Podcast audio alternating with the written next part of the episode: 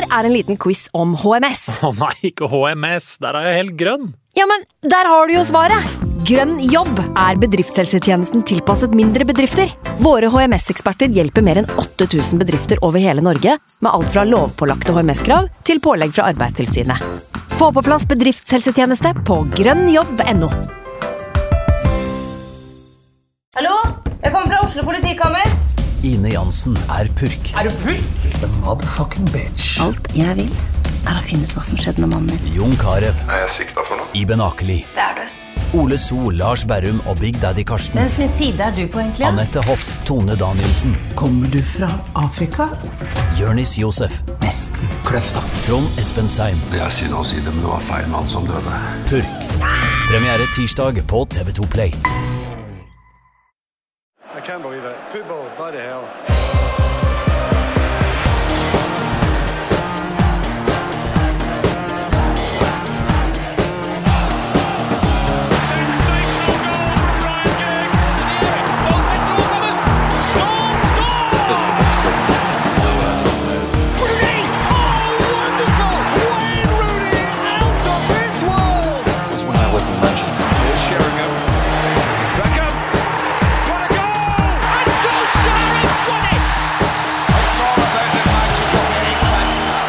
Den følelsen her har jeg nesten glemt. Toppen av tabellen, eh, snart midtveis i sesongen. Det begynner å bli noen år siden sist. Det var jo en følelse man som United-supporter tok for gitt i mange år. Det sier jo litt om hvor vi har vært. Nå føles det ekstra deilig å være tilbake i eh, samme posisjon. Sven Biskår Sunde fra Heia Fotball, velkommen og Heia Fotball! Hallo, hallo. Hallo. Og tusen takk. Hyggelig å høre fra deg. Top of the league! Top of the league! Det er helt rått. Ja, Det er jo ikke så gærent, det, da. Nei, jeg hadde vel ikke trodd det for noen måneder siden. Vi satt vel her med en eh, 15.-plass og snakka om eh, at eh, hvis de tapte neste kamp, så var de under streken, og det var jo ganske dårlig stemning da. Ehm, men nå så er vi tilbake. Eivind Brennhovd Holt fra United NO, velkommen til deg også. Glory, glory. Glory, glory. Eh, er en, altså nå er det jo bare, Vi må jo bruke dette for alt det er verdt. Nå er det bare å kose seg fram til søndag. Vi vet ikke hva som skjer derfra og ut, men akkurat nå så vet vi at vi er eh, det beste laget i England per nå. Iallfall sånn på tabellen. da. Eh, vi skal bare kose oss i dag med å snakke om eh, kampen mot Burnley. Eh, begynne å lade opp selvfølgelig til eh, den, det som kommer til å bli en nervepirrende affære mot eh, Liverpool på Anfield på eh, søndag. Jeg vet ikke helt, jeg. Eh, hvor vil dere begynne, gutter? Skal vi la året være litt fritt før vi går løs på Burnley-matchen, kanskje? Ja, jeg tenker som først at det er Vi må bare nyte den karamellen her litt, da. Ehm, Det ble vel sagt i forrige episode, Ken, at det å reise til Anfield som ligaleder, det er, eh, det er på en måte et trofé i seg sjøl. Og vi det det var noe med liksom, eh, utsiktene da, som vi har snakka om i, i et par uker nå, faktisk, om at vi kan lede ligaen på Anfield. Eh, men når det på en måte var et faktum eh, etter den 1-0-seieren på, på Turf Moor det, det, det var en følelse som jeg faktisk ikke har hatt i kroppen da, siden, ja, siden det skjedde sist, og det var jo i 2013 under Ferguson. Så de neste, dag, de neste dagene er det bare å dyrke den følelsen og nyte den karamellen. Jeg var litt sånn i tvil når vi ligger på toppen av tabellen, for jeg merker at jeg begynte å, um, jeg å tvitre sånn der eh, Ja, ja, Liverpool leder fortsatt uh, Solskjær-tabellen, og liksom uh, blir litt sånn ufin med en gang. Og så lurer jeg på ja, Har liksom det moralske landskapet forandret seg? Hvordan har man liksom lov til å opptre nå som, som serieleder? Må vi liksom være sånn veldig sånn fintfølende, eller kan vi liksom være litt fæle nå? Altså, Jeg har ikke fått med meg at Liverpool-supporterne har vært spesielt fine på det nå. i, i de årene som har gått, så jeg tror det er lov å dra fram klørne litt. Men det er vel et, kanskje mer noe med at som Manchester United-supporter så er det kanskje litt eh, hva skal man si, det er litt stor fallhøyde da, oppi nå. Å bli for, eh, for gira nå, kanskje. For, for kjempehøy. Ja, sykt, eh, sykt deilig. Og det var så utrolig deilig å liksom få betalt for en sånn eh, slite 1-0-seier. Jeg føler Det har vært så lenge siden at jeg har, eh, de, de gangene liksom, vi har vunnet sånne 1-0-seier, så har jeg liksom blitt sånn skuffa at man liksom vil ha festfotball og en sånn eh, fin fotball, liksom. Men nå var det sånn, da, det, nå, da var det bare om å gjøre å få poeng og komme på toppen av tabellen. og Det var bare så deilig å kunne få en sånn stygg seier og kose seg med den.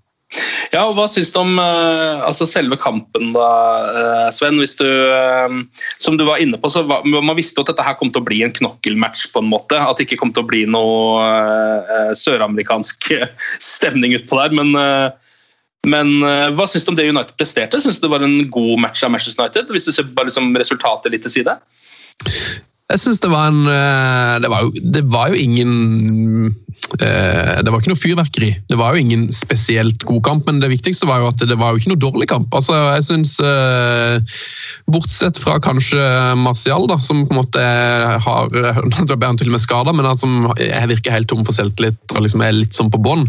Så syns jeg jo egentlig at hvis du går gjennom lagoppstillinga på spiller for spiller, så, så, var det jo ingen som hadde en dårlig kamp, og veldig mange hadde liksom en ålreit dag på jobben. Vi, vi gjorde jobben, og Maguire skåret jo til og med et helt magisk mål. Litt sånn, uh, Begynte å tenke på gode gamle Gary Pallister. liksom, og med vi mål på eh, innlegg med stopperen vår igjen, det er litt sexy. Men uh, ble jo annullert, da.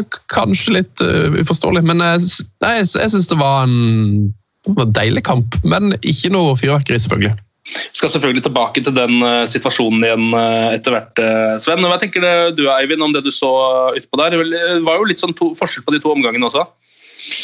Ja, det var stor forskjell, og det var jo ikke i nærheten av den kvaliteten på fotballkampen som, som vi hadde mot City, f.eks. Um, men jeg tror det, er, det, var tre poeng som Ferguson eh, ville vært stolt av i sin tid. Altså det, det husker jeg Solskjær sa til oss i et intervju eh, for noen år siden. At eh, Folk sitter liksom igjen med inntrykk at det var festfotball fra ende til annen under Ferguson, men det, det var, var, det stort sett på Old Trafford. Men på bortebane så var den jo ganske kynisk, spesielt mot slutten. Um, og hvordan de tre poengene kom mot Burnley, det er uh, ingen som kommer til å huske. Uh, så det spiller på en måte ingen rolle. Det var, det var det å sikre seg et godt utgangspunkt. Um, og det jeg tar med meg sånn først og fremst, er at det går imot. Altså, uh, man har vareavgjørelser som man ikke skjønner noe av, uh, og som de åpenbart lar seg frustrere av. og Det er et Burnley-lag som er tøft og, og, vanskelig å bryte ned. Uh, og da har vi tidligere sett tegn på at den, den kollektive selvtilliten til det laget er ikke sterkt nok. da til å på en måte håndtere den sånne berg-og-dal-baner som, som det kan være i løpet av 90 minutter. Mens det her var en veldig moden og tålmodig eh, forestilling, syns jeg, som viste litt hvilke steg den eh, spillergruppa her har, eh, har tatt. Da. For det var nok en middels dag på jobben, men de, de leverte når det gjaldt, og det, det syns jeg det er lenge siden vi har fått se, egentlig. Ja, jeg, synes, eller, jeg litt, kan være litt enig i at det er en middels dag på jobben. Det er jo ikke en kjempekamp, og Burnley er ikke et kjempelag. Så en 1-0-seier er jo nesten noe man på en måte må um, ja, men Det er sånne, sånne seiere United må ha da, hvis de det hele tatt skulle kunne henge med på noe som helst oppi der. Men allikevel så syns jeg det um, vitner litt om et lag som har tatt litt, noen steg. fordi mot etablert forsvar, sånn som eh, United spilte kanskje spesielt i andre omgang, eh, så syns jeg de eh, heva seg veldig. Mm. Og styrte jo den omgangen helt inn til mål, egentlig helt bortsett fra kanskje overtidsminuttene, da Burnley begynte å skape litt. Um, så jeg, synes, jeg, vet ikke, jeg fikk en litt sånn betryggende følelse av det. da, At det var et Manchester United som bare malte på. Det var ikke snakk om liksom, at uh, Burnley det hele tatt skulle få låne ballen. Uh, og Det var bare ett lag som kunne vinne den kampen, og det var Manchester United. Det er jo en ålreit prestasjon det på bortebane. Det er fantastisk. Det er jo det vi har savna eh, i flere år, når vi har liksom sittet og snakket om det laget. At, eh, spesielt under Solskjær. at Man har jo faktisk eh, herja og spilt mye bra kamper mot de egentlig mot forventa veldig god motstand, og så har man hele veien rudd på og mista poeng på å surre vekk akkurat sånne ting som der man taper eh, bort mot Newcastle, altså man taper sånn der eh, borte mot Westham-kamper som egentlig skal være eh, der du skal bare trygge inn og, og plukke de viktige Det er jo på en måte det som er de viktige poengene hvis du skal få et seriegull. Det er å stable sånne her eh, 1-0 eh, borte midtuke mot eh, de der eh, tøffe, kjipe lagene. ikke sant? De kampene må du vinne, og det har de slitt så, slitt så mye med å gjøre. at Da kan du slå City og man, slå, man kan spille bra mot Liverpool og, gjøre det, og slå Tottenham, liksom, men det har ikke så mye å si hvis du allikevel ender opp med å tape eh, 2-0 mot Burnley og ødelegge liksom flowen hver femte kamp. da. Men det her var jo Nå, nå tok de liksom det steget da, at eh, ok, vi kan stille med til og med ikke, kanskje ikke engang stille med, med det beste laget vårt. liksom. Vi har, eh, vi har spillere på benken som vi nesten hviler, og så vinner vi allikevel 1-0 kontrollert og, eh, og liksom har, har ting under kontroll. Utrolig tilfredsstillende kamp.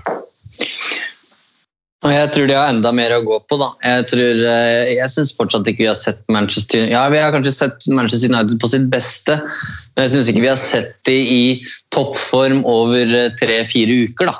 Eh, Resultatmessig har det vært fantastisk siden 0-1-tapet mot, mot Arsenal 1.11., men, men jeg tror det laget her er enda mer å gå på. da. Det er enda flere spillere som kan være i form samtidig, for å si det veldig enkelt. Og det som en av de som er i form, er jo Paul Pogba. og Det var jo det som var eh, Det er jo han som egentlig er forskjellen på tre og ett poeng i den matchen her, syns jeg. Um, og jeg tror ikke det var planen at han skulle spille på, på Anfield. Jeg tror han fikk den kampen her fordi det var andre som uh, satt på benken som skal inn og gjøre en jobb der, men nå har Solskjær fått et, uh, et skikkelig luksusproblem der, og sammen med Erik Bailly, som jeg syns var meget god. Så får vi se om Lindeløf blir klar. Ja, Pogba var jo rett og slett en, altså Han var stor utpå der. Eh, en av de beste kampene han har spilt i, i rødt, egentlig. Eh, Og det er jo litt godt at det kommer nå, når man på en måte har eh, avskrevet ham på en måte da, så mange ganger. Um, men men eh, Eivind, du mener at eh, Og det kan jo høres logisk ut med tanke på hvordan Solskjær har satt opp lagene mot de store tidligere, men at det er en sånn, eh, mot Liverpool så hadde han egentlig kanskje sett for seg en Fred McTominay-kombo, eller? Mm. Ja. Og det gir så mening òg, med tanke på den trusselen som Liverpool eh, har. da. Eh, og de, er- de to er jo også i, i, i god form, så det, et, det blir veldig spennende å se hvordan han skal komponere det. Eh, det kan også forsvares selvfølgelig å plassere Pogba på benken og, og ha han som en superinnbytter, men eh, det Bare så vidt, altså. Etter den prestasjonen der så er det nesten så det ikke går. Det er en luksus vi ikke har vært vant med, i hvert fall. Mm. Kanskje vi skal se på noen av situasjonene som var i kampen. for det var eh, på tross av bare ett mål, ganske mye interessant som skjedde der. Eh, først så har United eh, en del sånn småsjanser de første ja, 20-25 minuttene. Martial har noen, han prøver seg på et brassespark. Litt sånne ting. Det viser at de klarer å hvert fall komme til ok sjanser. Også i starten av matchen. Og så er vel det første liksom, store eh, samtaletemaet er jo etter 28 minutter. For da eh, ja, Det hele begynner jo med at United egentlig ser ut til å miste ball rundt egen 16-meter. Luke Shaw eh, bare pusher oppi for å prøve å eh, vinne eh, ballen, som er det eneste han egentlig kan gjøre i den situasjonen. for Hvis ikke så blir de nok overspilt og kanskje slipper inn et mål. Han risikerer alt, går inn i en takling som er litt sånn ah, akkurat på grensa til alt mulig rart. Eh, United eh, kontrer fordi Kevin Friend lar spillet gå. Eh, En langpasning fra Bruno er det vel sannsynligvis. eh, Når helt fram til Cavani. Han får den med seg på én touch, slår vel en slags rotete tunnel og er egentlig alene med keeper. Blir feid ned. Um, og eh, Kevin Friend blåser endelig i, eh, i fløyta si og deler ut et eh, gult kort av alt mulig da til Brady, er det vel som uh, feller Kavani der. Og så kommer VAR inn i uh, bildet. Uh, og hva er, tenker du Sven, akkurat i det dette her, disse bildene bare flakser over skjermen, og det er fram og tilbake, og det er to forskjellige situasjoner? Eh, nei, jeg tenker jo at jeg er veldig glad at jeg ikke er dommer i Premier League. For det, at, eh, det er jo helt umulig å få det der riktig. Han ender vel opp med en, eh, en, en, altså en rett og slett en helt gal avgjørelse, for han har vel ikke lov til å gjøre det han gjør. Men Nei, det er kanskje sant, sånn, det. hadde, det skjedd på løk, hadde det skjedd på Løkka, det her, så, hadde det jo, så tror jeg jo liksom at jeg, jeg mener at dommerne hadde fått det riktig. Men reglementet sier vel at du har ikke lov, VAR har jo ikke lov til å gå inn og korrigere et gulkort. Så dette, de har ikke lov til å gi gult kort til Shaw eh, på VAR. For det, Nei, det, ja. det er ikke VAR sin jobb. Men um, nei, det første jeg tenkte er jo at det er rødt kort til Brady. Ja. Det ser jo ut som han tar han som sistemann. Uh, men det er så utrolig vanskelig å se, så, så får man liksom uh, stadfesta det. Ok, han tar faktisk Kavani, han bommer på ball. Da mener jeg det er rødt kort, uh, selv om Mi er i nærheten der. Men ok, han, det er egentlig rødt kort til Brady. Men så klarer jo VAR å da gå tilbake og se på den episoden med Luke Shaw som skjedde på andre sida av banen ti sekunder før. Og der er jeg jo veldig i tvil, for det, ser ut som Luke Shaw er på ball. Men eh, han kvester han jo etterpå, så er det sånn Skal Luke Shaw ha rødt kort for å kveste han der? Hva, det, det, var, det var vært veldig, veldig vanskelig å uh, dømme den riktig. Så går han på en sånn slags uh, han blir, Jeg vet ikke, han er vel redd for å gi rødt til Shaw òg, han er vel redd for å gi rødt til Brady, så han ender opp med en sånn slags mellomløsning. Uh, med å gi gult kort til Shaw og stryke kortet til Brady, for at det da liksom plutselig ikke har skjedd. jeg, jeg tror jeg veit hva som har vært tanken her. Um, jeg tror at de konkluderte i VAR-bussen med at Brady skulle hatt rødt kort for taklinga på Kavani. Det er jo der det begynner. Mm. Det er der det begynner. Um, men så oppdager de at i sekvensen før så kan det være at Luke Shaw um, lager frispark, og det er da de begynner å vise de bildene. Uh, og Etter hvert så blir han kalt inn Kevin Friend til monitor for å kikke på den uh, situasjonen. og Da handler det først om å ta stilling til er, er den taklinga en del av en måte, ang, den angrepssekvensen som leder til eh, at Gavani blir felt. Mm. Og Når svaret på det er ja, så må man da ta stilling til er det rødt kort til Shaw. Mm. Og Svaret på det var jo da nei. Men det de gjør da i så fall, er jo å korrigere det røde kortet til Brady. Eh, ved å da dømme frispark. Så de korrigerer for så vidt ikke et gult kort, men et rødt kort. Ja. Mm, mm. Og det, det, det, med Brady tror jeg det er innafor at de tar vekk det. For det de, han dømmer jo at det skulle vært frispark til Burnley. og det, Jeg mener jo for så vidt at det er riktig, men det at han gir gult kort til Luke Shaw, det tror jeg egentlig ikke han har lov til å gjøre i, i henhold til regelverket. da. Det kan nok stemme. Mm. Ja, Det er litt usikker, for jeg har sett det før. fordi eh, Det som ikke er lov, er at VAR kan ikke gå inn og si du må sjekke en situasjon her, fordi det er nok et gult kort til Shaw. Det kan de ikke si. Nei, ikke sant, si... så det er, I og med at de sjekka sjekka Brady, så er det på en måte en situasjon som man har lov til å dømme om og så gi ut gult kort da? Ja, Eventuelt om de faktisk sjekka et direkte rødt til Shaw, for det lurer jeg på om de også gjorde. Eh, ja, det gjorde de nok. Og, ja, og det er det i hvert fall lov å se på. og Så går dommeren inn og ser på det, og så tenker han dette her blir litt for vilt hvis jeg skal begynne å annullere et rødt kort og si det andre veien, og de får plutselig frispark på mm. samme sted som United skulle hatt det. Jeg agerer diplomat, gir et gult kort her, så kommer ingen til å snakke noe mer om dette om to uker. Men i morgen eller altså i dag, så snakker ja, vi om det. i dag så snakker vi om det. Men tenk, han, tenk, at må, tenk, at han må, bestemme det der i løpet av liksom, Han får 25 sekunder, han får se det to ganger. og bare sånn, ja, Da må du bare bestemme det her, friend. Ja. Det er jo helt umulig for han å, å avgjøre det. Ja, egentlig. Har ikke noe god bilde på det heller. Nei, det er kjempevanskelig. og det, Som du er inne på, Sven, så ser det ut som Shaw faktisk så vidt toucher ballen før han da går inn med knottene i eh, ankelen eh, på uh, Burnley-spilleren. Men det er vel per definisjon noe man også kan gi rødt på, selv om du så vidt flikker borti en ball. Så ja, det, Hele situasjonen blir jo veldig vanskelig å, å tolke. Men det som jo jeg syns er litt merkelig, er at jeg aldri sett det skjer før at noen har på en måte blitt litt sånn fucka av sin egen VAR. For når du får en VAR-situasjon sånn som United får der, så skal jo det være til Uniteds fordel, for dommeren har, sett, har ikke fått med seg det røde kortet. Så det skal liksom være sånn, Nå er det enten rødt kort eller så er det bare frispark og gult. Det kan ikke bli noe annet enn det. Men så plutselig så er det Ja, du tapte kampen fordi du fikk VAR der. Eh, på en måte. Det er rare greier. Eh, det slutter jo ikke der heller, fordi bare noen få minutter seinere er jo Kevin Friend uh, frampå igjen. han. Da skårer jo Harry Maguire et jeg vil nesten si Cristiano Ronaldo-aktig mål. ja, han hadde, han hadde sluppet unna med det. Ja, for han, han skårer jo sånne mål hele tiden. Det er jo sånn Han går opp Han går jo opp og så ligger han en halvmeter over motstanderen. Knuser han så hardt i duellen at noen armer blir det jo uh, eventuelt hengende ned der. Um, målet blir annullert. Nydelig innlegg fra Shaw. Helt fantastisk heading av Harry Maguire, endelig. Og så ja, annullerer Kevin Friend det bare sånn ja. på ett sekund. Altså Han vil ikke se på det, det er ikke noe snakk om det, er bare boom. Mm. For det var jo ikke VAR. Den ble nok sjekka, men det var jo som du sier, Ken, det var jo Kevin Friend som, som eh, avblåste den. Å være så kontant på en så tvilsom situasjon, det syns jeg var litt rart. Jeg syns ja. det var feil når du får se de ettertid. Og det mente nok de fleste med United-drakt der òg. Det er jo sånn at uh, altså, Hvis Friend eh, ikke hadde blåst, så hadde jo ikke VAR eh, sagt at det der er frispark. så det, det, altså, når han, men når han blåser, så kan ikke VAR si at det er en åpenbar feil heller. for det er, som, det er nok hjemmel i regelverket for å på en måte si at det er frispark, i og med at det er en kontakt med hånda der. men Nei, det, de, det, var Peter Crouch som tvitra at hvis det der er frispark, så er jo nesten alle målene i min karriere eh, ikke gyldige lenger. For han fått jo en del sånne. Så, um, Heldigvis ja. var ennå ikke blitt så ondskapsfull at de har begynt å gå tilbake i historien og ta bort mål, men det kommer nok uh, på et tidspunkt, så vi må passe oss her.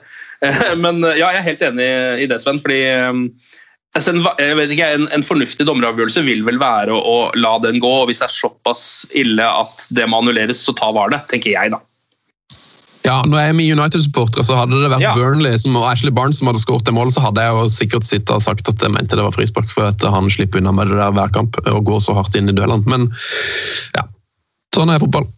Sånn er fotball, eh, og du ser jo at Harry Maguire blir veldig frustrert. Han er borte og snakker med dommeren i pausen. Ehm, og alle som vet at den mannen eh, må unngå gult kort resten av matchen for å spille mot Liverpool, blir jo allerede der litt sånn ja, nervøse. Ehm, men det ordner seg nok ordner seg nå en gang, det. da. Ehm, det blir, eh, de går inn på 0-0 til pause, og så kommer du ut i andre omgang med et jæskla trøkk. Kampen forandrer seg jo helt totalt i løpet av eh, ja, eh, pausen, egentlig. Plutselig så er Manchester United ja, hva skal man si? Jeg bare synes de hadde så, jeg var nesten litt imponert av at de klarte å heve seg. For jeg så litt for meg et lag som går inn til pause med og surna litt på dommer og var og hele systemet. Mm. Men det virker som det er nesten omvendt. At de kommer ut igjen, og så er det faktisk mer energi. Ja, det var et nytt gir, og det er jo flere sjanser der plutselig. Uh, etter en ganske sjansefattig førsteomgang så, så, så kommer de Klarer de å skape de mulighetene de trenger. Da. Um, og Kavani har en, og, og litt sånn forskjellig. og det en bekymring da, før den uh, Anfield-kampen, hvis det er lov på en dag som, som det her, så, så, er det det at de de eh, foran der, de brenner for mye, da. Jeg syns ja. Rashford er sånn Det er Marcus enten eller Rashford. Det er liksom Enten så er han eh, så god at man begynner å snakke om liksom, ja, er det Mbappe-klasse det her, liksom? Eller så er det det vi fikk på mot Burnley. da. Eh, nå får han jo en målgivende på, på en nydelig scoring, da. men sånn, bortsett fra det så er det ganske tamt.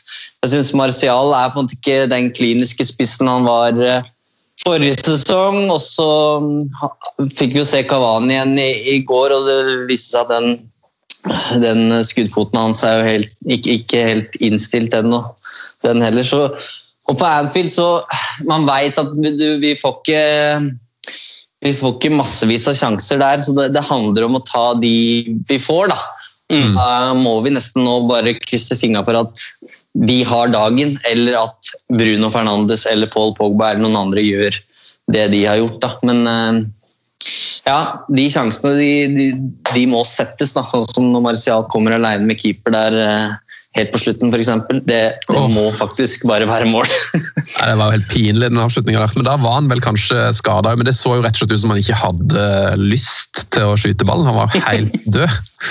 Eh, så ja. nei, men Det er et kjempegodt poeng da, at uh, det er ingen av de fire fremste som liksom er i superform. Ikke, altså Bruno har vært veldig god i år, men akkurat, uh, akkurat nå så virker det ikke som han liksom er 100% Så mm. uh, det er noen av de som må ha, ha, ha, dagen. Men så har vi så mange gode spillere under, da. Jeg synes jo liksom alltid, Det er alltid mulig at Rashford kan få et mål, eller Bruno eller eh, Greenwood eller Cavani. Liksom. Jeg har troa på at en av de kan få inn et mål. Og Sånn sett var det jo en veldig bra hva skal man si, førpremiere, da, eller en, en, test å spille en sånn her 1-0-kamp. for det er jo det som, Hvis de skal slå Liverpool, det kommer ikke til å bli en, en sånn 6-4-kamp. liksom.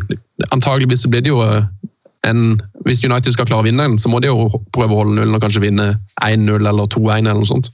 Mm. Eh, det, det, blir jo, det er ikke en målfest som er fasiten i fall for at United skal klare å vinne, tror jeg. Men, uh, ja. Vær så god. Sorry, Ken. Nå er vi kanskje litt eh, forut på programmet her med tanke på um, Liverpool-snakk, men grunnen til at jeg tror de klør seg litt sånn nervøst på Anfield, det handler jo litt om det du er inne på der, eh, Sven. at eh, det er jo en klisjé, men det er liksom laget Manchester United som har vært så bra siden 1.11. Du kan snakke om Bruno Fernandes, selvfølgelig, og det er spillere som har vært eksepsjonelle i enkeltkamper. Men det er liksom det kollektivet som jeg var litt inne på i begynnelsen her også. Den, det virker som de har huet på rett plass. Da. De, de tror på det de driver med, og det er konkurranse om plassene. Du har en Erik Bailly som kommer inn og, og, leverer. Du har Luke Shaw og Alex Telles på venstrebekken som, som er en skikkelig fight nå. Og så har, har vi Fred og McTominay. Bruno, Pogba, Matic som går inn og gjør en jobb i, i går. Og så er det de offensive plassene hvor, hvor vi i hvert fall vet at vi har fantastiske kvaliteter. Um, så jeg tror de om de ikke de frykter nok Bruno Fernandes og de andre enkeltspillerne, men det de frykter mest på Anfield, tror jeg er den følelsen da, som er rundt Manchester United nå, som du ser på sosiale medier etter den seieren i går. Det er en tru på det Solskjær driver med, da, som mm. ikke har vært der siden 2013. Og det, det kjenner Liverpool-fansen seg igjen i òg, uten at vi skal sammenligne Solskjær og Klopp noe mer enn det. Men, men eh, de veit hvor mye selvtillit har, har å, å, si. Og det er et lag med selvtillit som drar på, på Anfield. da. Det er et kjempepoeng for det. Det, det er jo det vi har med det jeg snakka om på privatnøken. Altså, liksom, sånn som eh, Nemanja Matic, da, som kanskje er liksom 16.-17. valget liksom, i den troppen her. Eh, samme med Juan Mata. De er liksom, selv om de er, de er oldtimers og de forventer ikke å starte hver eneste kamp, så er de liksom en del av laget. og jeg synes eh, I fjor for eksempel, det var det en helt forferdelig kamp mot eh, Everton, hvor, liksom, hvor, man mer eller mindre følte at eh, Solskjær sa i postmatch at liksom, nå er Matic ferdig, for han var så dårlig i kampen. da, og det var så mange som skuffa han. Mens eh, vi er veldig imponert over eh, hvordan Matic har liksom opptrådt eh, denne sesongen. her. Han har vært helt fantastisk god i, i veldig veldig mange kamper. liksom Spilt skikkelig solid. og Jeg syns liksom han har tatt et, et, steg opp igjen. da, Og blitt en sånn spiller som man man ønsker å ha i et lag, en som kommer inn og gjør jobben. Han er ikke, han er ikke nødvendigvis liksom vår beste midtbanespiller, men han er en som tar den der Ok, jeg er tredje, tredje valg på midten, men jeg tar den jobben på alvor, da. Ja, ja. Se, sorry. Bare kjør på. se hvor eh, lite det skrives om misnøye i United-garderoben. Og det er greit, nå går det på en måte bra, men det har jo vært De, de var på 15.-plass i, i, november, liksom. Og det skal ikke mye til i, i en klubb som Manchester United før, før, spillerne som ikke spiller, er misfornøyde. Og Matic var jo, er kanskje den eneste, i hvert fall den siste, som hadde et slags stikk til Solskjær. da da han ikke fikk spille. Og det at han nå er inne i varmen igjen, og måten Solskjær holder den troppen fornøyd på, da, det um, vitner om at um, han har kontroll på, på garderoben og er, er, godt likt. Og som jeg har sagt tidligere, det, måten han har løst det Pogba-problemet på, det, det, er jo det beste eksempelet. Um, og vi har jo nå vært gjennom Mourinho som, som klarte å komme på kamp med MUTV med reporteren, liksom. Så dette er eh, noe vi ikke er vant til. Sven, du sa jo i går, vi satt jo og teksta litt underveis i kampen. Eh, og Da sa du at eh, du syns Matic hadde vært bra i det siste, og at hvis han spiller en bra andreomgang nå, så blir det Matic-drakt. Ja. Hva, hva lander du på? Han hadde jo dessverre Han var jo ikke så god i andre omgang, men han var fantastisk for pause. da. Jeg var inne og kikka på statsene, hadde han 96 treff der på pasningene. og han er så utrolig trygg og god. Eh, men jeg syns den eh, drakta de spilte med i går, jeg synes den er så utrolig fin, så jeg blir nødt til å kjøpe henne. Så det spørs kanskje om jeg ikke bare skal trykke til å bli Matic. For jeg husker når jeg var liten, så syntes jeg alltid det var så gøy.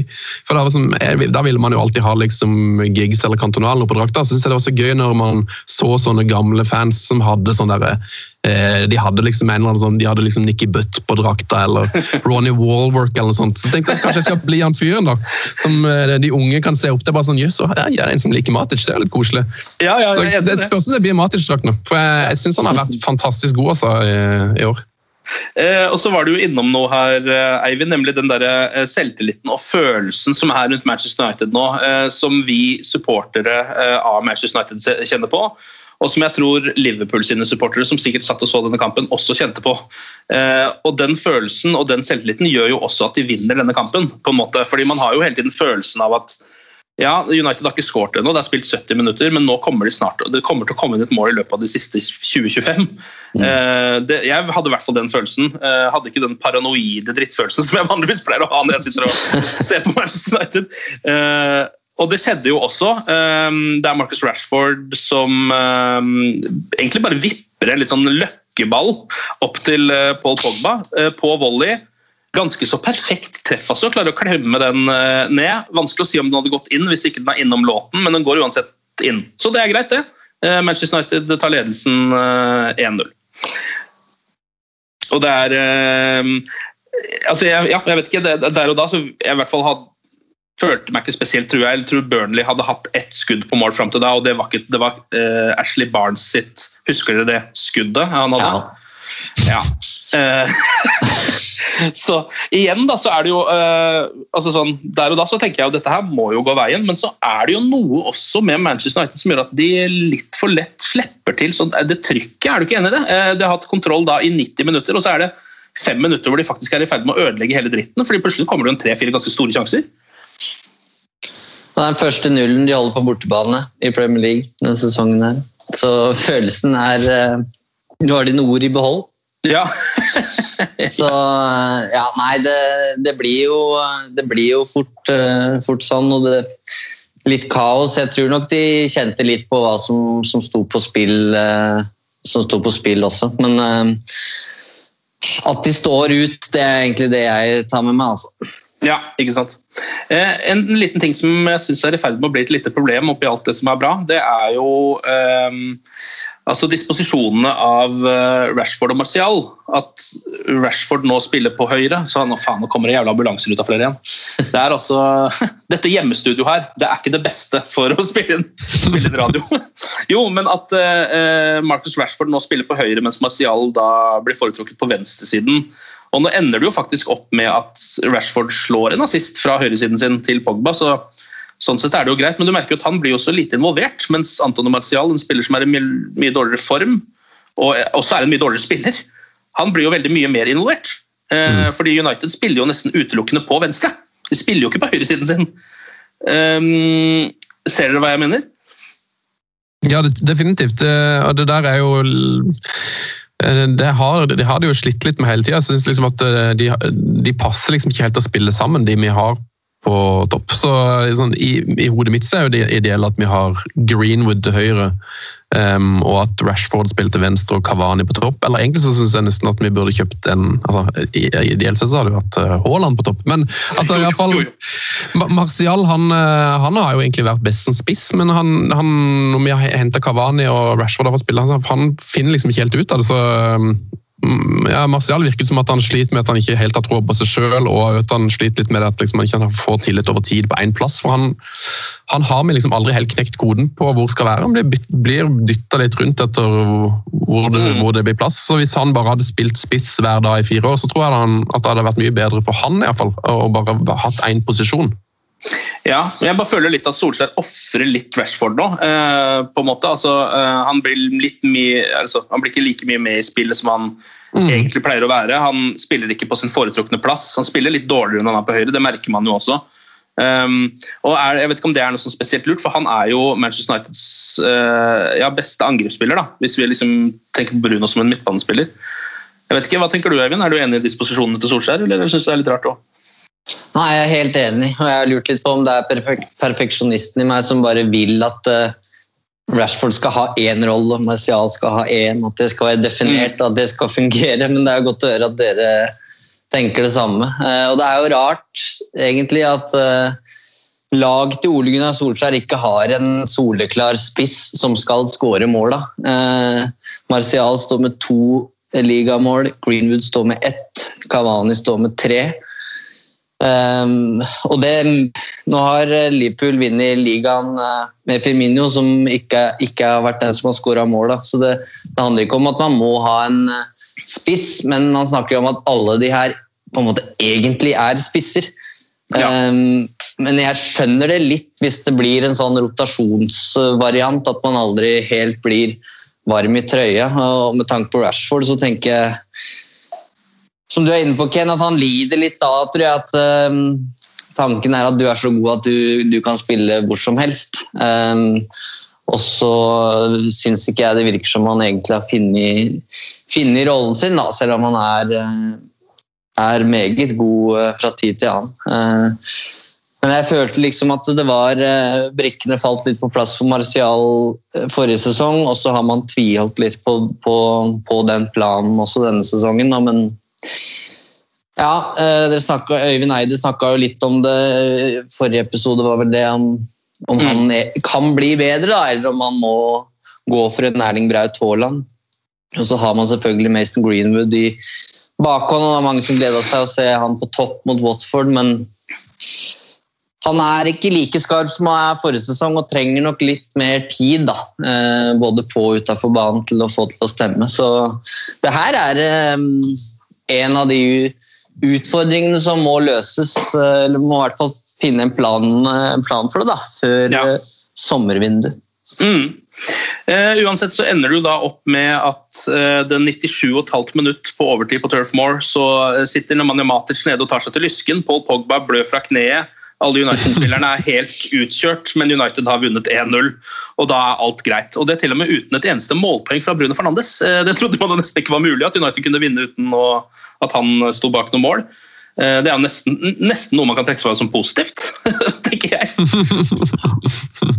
Ja, på en måte at de andre blir nødt til å uh, avgjøre, ja. Men, Ja, bare for å eh, vise at United kan faktisk vinne en match uten at han har vært involvert i målet. Ja, det er, jo, det, er, det er jo faktisk sånne småting. er jo sikkert I en sånn sesong så er det jo, handler det om å, liksom, å, å få tusen små seier, ikke sant? som til slutt blir en, en stor seier. Og, og Det er sikkert en selvtillitsboost for liksom, jeg tenker spesielt for Pogba. da, det At han liksom føler at han faktisk eh, kanskje er blant eh, de beste spillerne på laget. For det har jo, jeg tror nok han har, har følt seg litt eh, Han har nok kjent på at han har blitt nummer to etter at Bruno kom inn i klubben. Eh, Mm. Så det er sikkert godt for han å liksom ha en kamp hvor han føler at han er liksom en som driver, driver laget framover.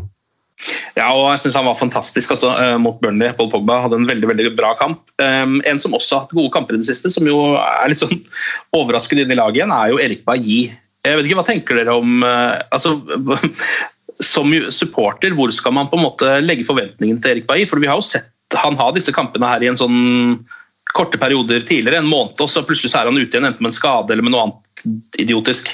Ja, jeg har skyhøye forventninger til han. Eh, For jeg syns jo han er helt utrolig god. Jeg vet, kanskje jeg har til og med sammenlignet han med Vidic før i denne, i denne podkasten. Han, han er jo liksom en perfekt makker til Maguire, syns jeg. Han, han trykker til og er liksom ja, en, en skikkelig ufin og hard og fæl stopper å møte. da. Men det er jo dette med at han alltid er skada. Det er jo helt besatt.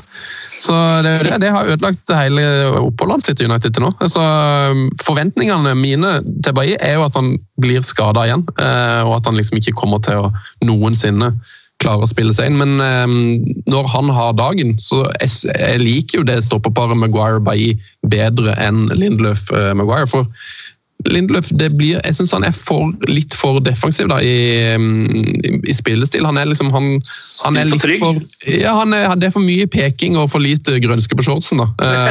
Eh. Han ryg, rygger for mye. Vi må ha noen som, som det er vondt å spille mot. liksom. Det er ingen som er redd for å møte eh, Victor Lindeløf.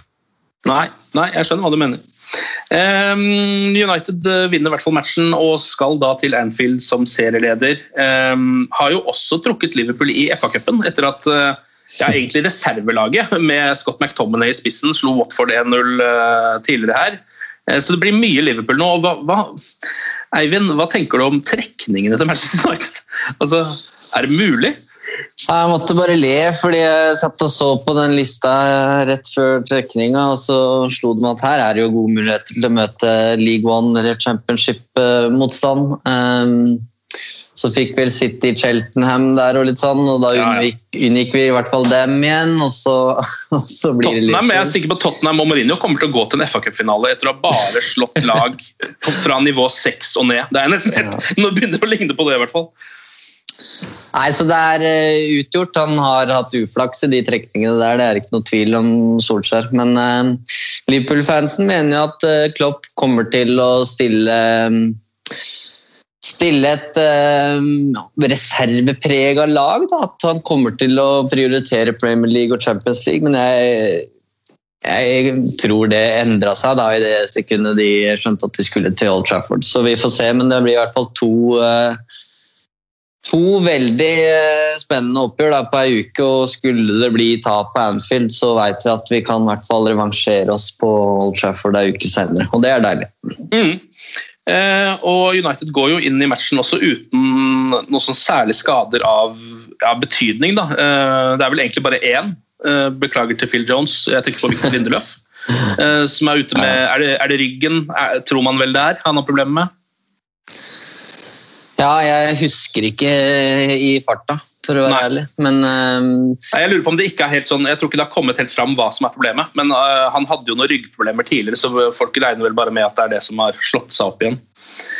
Um, se med de andre, da, fordi det var jo Martial uh, halta jo der, og, og et par andre som sikkert pådro seg noen smeller. Men det skal vel være mulig å få dem klare mot Liverpool. Eh, hvordan er skadesituasjonen til Liverpool nå? da? De har jo fortsatt alle disse langskada folka sine ute. Van Dijk og den gjengen der. Men eh, det begynner vel å ligne på et lag der òg. Ja, jeg tror de eh, Jeg har ikke full oversikt ennå, skal jeg være ærlig, men de har jo slitt litt med mm, midtforsvaret og prøvde seg med, med Henderson der for, for litt siden, og det gikk jo ikke, så vi får se hva de, hva de har. Men det er, Yota er ute. Eh, Matip er vel usikker. Eh, og så er det Gomes og van Dijk som helt sikkert er, eh, er ute. Da. Så det er Mm. noen skader der også. Hva tenker du Sven, om eh, hvor man bør legge lista før en sånn kamp? Altså Hvis man ser på tabellen nå eh, og tenker at man skal ut på bortebane eh, mot eh, ja, den akkurat nå argeste rivalen om seriegullet, for man må allerede begynne å nesten tenke på det sånn, mm. så må, vil man vel tenke at et uavgjort resultat er jo en seier for Manchester United, egentlig. I serien, ja. Ja. Ja, ja, ja. Uh, ja, det er jo på en måte det. Så det tror jeg det er litt farlig å gå, til, gå inn i en kamp med mål om å spille uavgjort, for da, da tror jeg ofte du taper. Så. Ja. Men det der, eh, jeg stoler faktisk litt på Solskjær der. Jeg syns han har vært ganske god på sånn uh, storkamp. Men uh, nei, det var det jeg sa i stad. Det, det kommer til å bli en sånn et- Jeg ser for meg en sånn stillingskrig. da. At uh, det, blir, det er de som orker å løpe mest og som på en måte aldri gir opp, som kommer til å få det ene målet som gjør at det vipper i riktig retning. Men eh, det er ikke, ikke lett å si, altså. Hva tenker du, Eivind? Har du noe håp om seier på, på Anfield? Ja, og det handler jo om eh, det vi har snakka om her, den følelsen vi sitter med, og som må være i, i garderoben, liksom. Jeg tror det er Altså, tenk alt det vi har vært gjennom som supportere, eh, og så er det noen i den garderoben der også som har en del de ønsker å, å revansjere. Da. Og vi har snakka om den flyten som Liverpool har hatt nå i så mange år, og nå føler vi kanskje at eh, at vi har eh, litt av det momentumet som de har hatt, da, mens Liverpool eh, føler seg eh, litt mer uheldig, for å bruke det ordet. Og du ser jo Vi ser jo hva det betyr for, for, for Liverpool-fansen. Når de begynner å hakke på straffer og at vi bare er avhengig av Bruno, så er det et godt tegn på at vi, vi er en trussel. Mm. Eh, og så er jeg en pessimist som tenker eh, litt i de baner også. Vi veit hva som kommer til å skje hvis United taper den kampen. eh, hva som kommer til å stå på forsiden av eh, avisen i England nesten uansett på mandag. Da, da, er, da er ikke det United-laget her klare for å kjempe Nei. om tittelen. Men de vil fortsatt ligge helt jevnt med Liverpool, da. Helt ja, og vi, da er vi vel én kamp unna å være halvveis. Mm. så, og United har da vært helt på høyde hele veien eh, i første halvdel. Hvorfor skal det ikke kunne være det i, i andre halvdel? Eh, men det er vel på oddsen nå så er det vel City som er favoritter eh, foran Liverpool, mens du får i odds på at United vinner ligaen. Så de er fortsatt utfordrere, men jeg tror det passer det United-laget. Jeg tror det passer Ole Gunnar Solskjær. Eh, Og så må vi jo bare være dritkjedelige og liksom ta kamp for kamp. Uh, og så tenker jeg som så at vi får regulere forventningene såpass at om det ikke blir ligagull, så kan vi ikke grave oss ned av den grunn. Uh, men bare det at vi er med, som jeg var innom innledningsvis her, uh, den karamellen må vi bare tillate oss å suge på. Og, og nyte det at vi i hvert fall er, er der oppe, da. Og da bør utgangspunktet i hvert fall være enda bedre i sommer enn det det var for et år siden. Hvordan skal dere se kampen, da, Sven? Jeg, har, eh, jeg tror rett og slett at det må bli på mobilen, eller noe sånt, for jeg har, ja, det er en eh, lang og fæl historie. Men jeg, det er noe reising på et tidspunkt der. Som når man har to barn, og det er et eh, familieobligasjoner, så er det ikke alltid at eh, 17.30 avspark er helt ideelt. Um, så nei, det ja, Jeg ser for meg at det blir noe mobil kicking. Hva med deg, Eivind? Jeg skal jobbe, så det blir eh, fullt fokus på arbeidsoppgavene. Og så får vi, får vi se hvordan eh, dette bærer i vei. Skal du bare ta, du bare ta det som 90 minutter, bare jobbe hardt for laget og tenke tre poeng? Og... Nei, jeg syns helt ærlig det er litt deilig å jobbe, da, for da må du måte skyve følelsene litt til side. Eh, og så mm, betyr det ikke like mye, men jeg har en kollega som eh, som eh, Lars Morten Olsen, redaktør for, uh, for US, han, eh, han, legger alltid helgas skogstur til de 90 minuttene mot Liverpool. Når det er den kampen på, på terminlista. Så han går alltid en tur i skogen og skal helt sikkert det også på søndag, når det står såpass mye på, på spill. Så selv om det er deilig å være i den posisjonen vi er nå, så merker vi jo det på kroppen selvfølgelig at det betyr noe mer enn en det, det oppgjøret har gjort de siste åra. Både på godt og vondt. Det er jo den verste kampen, på sett og vis. Ja, Gud, Det er så fæ fælt å tape den kampen. Og, uff, nei. Så det, det er med blanda, blanda følelser man går til det. Ja, Det blir altså så nervepirrende. Jeg kommer til å sitte med følelsene utapå kroppen og ha null profesjonalitet. Det det er, det ikke noe tvil om. Jeg tror, tror jeg må kjøpe inn en kasse med whisky og kanskje et par kilo opium for å komme meg gjennom det greiene der. For jeg tror det kan bli et lite helvete rent følelsesmessig. Du skal se en eh, hjemme-Ken? Ja, tror nok det. Det er ikke noen andre valg? Har ikke så mange valg, eh, så det blir nok eh, her hjemme. altså. Bare prøve å komme seg gjennom det. Nesten litt som en treningsøkt. Mm. Den første treningsøkta. Tror dere Pogba starter, eller? Eh, altså jeg, jeg, er egentlig sånn enig med Eivind at jeg tror planen til Solskjær var Fred McTominay, men eh, etter en så bra kamp Ja, nei, jeg, jeg er litt usikker. Jeg tror eh, Jeg har litt følelse at det blir vanskelig eller sånn Hvis jeg hadde vært manager, så jeg, jeg synes det har vært vanskelig å vrake han. er vel måten å si det på. Ja, for det, det, det, jeg tenker jo som Eivind sier at jeg tror Solskjær sin plan var å starte med Fred McTominay. Og, eh, og, så hadde han vel liksom tenkt at da Pogba er tilfreds med å være på benken nå, fordi han har ikke vært god nok. Men når han er så god, så truer han seg jo nesten inn. Og er det sånn, hvis han nå ikke får starte, begynner det da å bli sånn eh, transferprat igjen, og mm. Eh, Raiola kommer på banen, og da er det liksom det der kjører i gang igjen. Der. Så den, det må være så slitsomt å være manager. Altså. Tenk å måtte ta de valgene der. Lø Løsninga må i så fall være en diamant på midten med Fred McTominay, Fernandes og Pogba.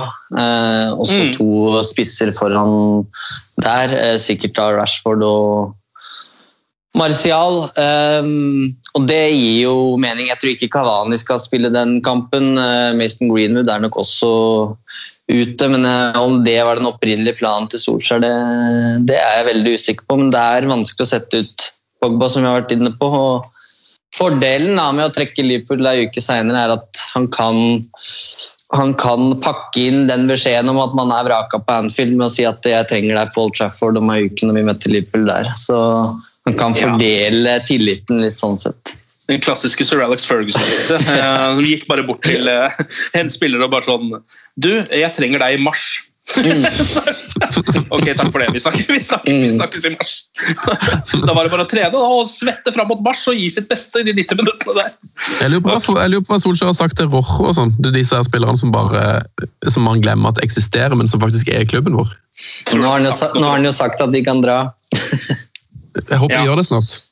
Ja. Ja, altså jeg, Det er jo spillere som man nesten ikke trenger å forholde seg til, egentlig. fordi de har jo ikke de har jo ikke lisens til å spille engang for Manchester United den sesongen her.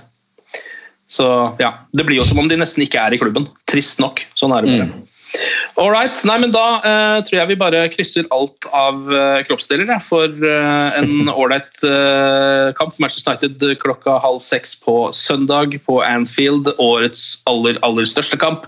Og så er vi jo tilbake igjen selvfølgelig rett i etterkant av det for å deschiffrere alt som har skjedd i den kampen. og ta en liten runde på divanen, psykologdivanen, hvis det må til. Eivind og Sven, tusen takk for praten. Takk for at du fikk være med. God Bare kamp! hyggelig! God kamp og oh, glory, God kamp, ja. glory!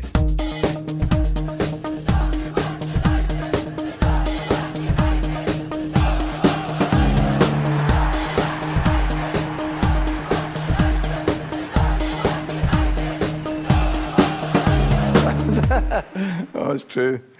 I've seen many things. Moderne media. Ukens annonsør det er matkasseleverandøren Hello Fresh. Der kan du velge mellom 25 ulike oppskrifter hver uke, eller få Hello Fresh til å sette sammen en meny for deg.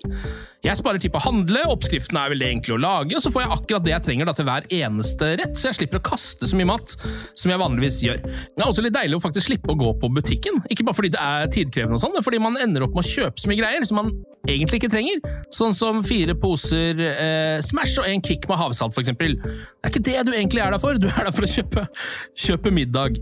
Så det er en veldig eh, kjekk ting. I tillegg så er det jo eh, ferdigporsjonerte ingredienser, det blir mindre matsvinn, og du betaler bare for det du faktisk trenger, og det du faktisk da spiser. I tillegg så blir det da levert på døra eh, til et eh, fastsatt tidspunkt, sånn at du kan få det akkurat når det passer for deg eh, sjæl.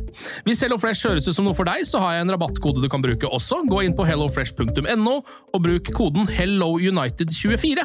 HelloUnited i ett ord, også 24, og få opptil 1779 kroner i rabatt på de fem første matkassene dine hvis du ikke har prøvd Hello Fresh ennå. Du kan også bruke koden hvis du tidligere har vært kunde, men har stoppa abonnementet ditt for tolv måneder siden eller mer. Det er ingen bindingstid, og du kan pause eller avslutte abonnementet ditt akkurat når du selv måtte ønske. Husk koden HelloUnited24, og bon appétit! Ukens annonsør er Folio, en smartere banktjeneste for deg som har en egen bedrift eller ønsker å starte for deg selv. Folio er en superenkel nettbank for bedrifter. Som kunde i Folio får du en bedriftskonto med et bedriftskort og app. I denne appen er det smarte løsninger som forenkler regnskapet ditt, uansett om du har en liten bedrift eller et enkeltpersonsforetak. Folio er både intuitivt og brukervennlig, og er laget med et enkelt språk. I tillegg tilbyr de forutsigbare priser og ingen skjulte gebyrer. Skulle du likevel trenge det, så kan du snakke med deres raske og hyggelige kundeservice, og der får du prate med en faktisk person og ikke en chatbot. Folio er med andre ord både enklere og koseligere enn banken. Over 10 000 bedrifter har allerede valgt Folio som sin banktjeneste, så besøk folio.no og se hvordan Folio kan forenkle din hverdag også.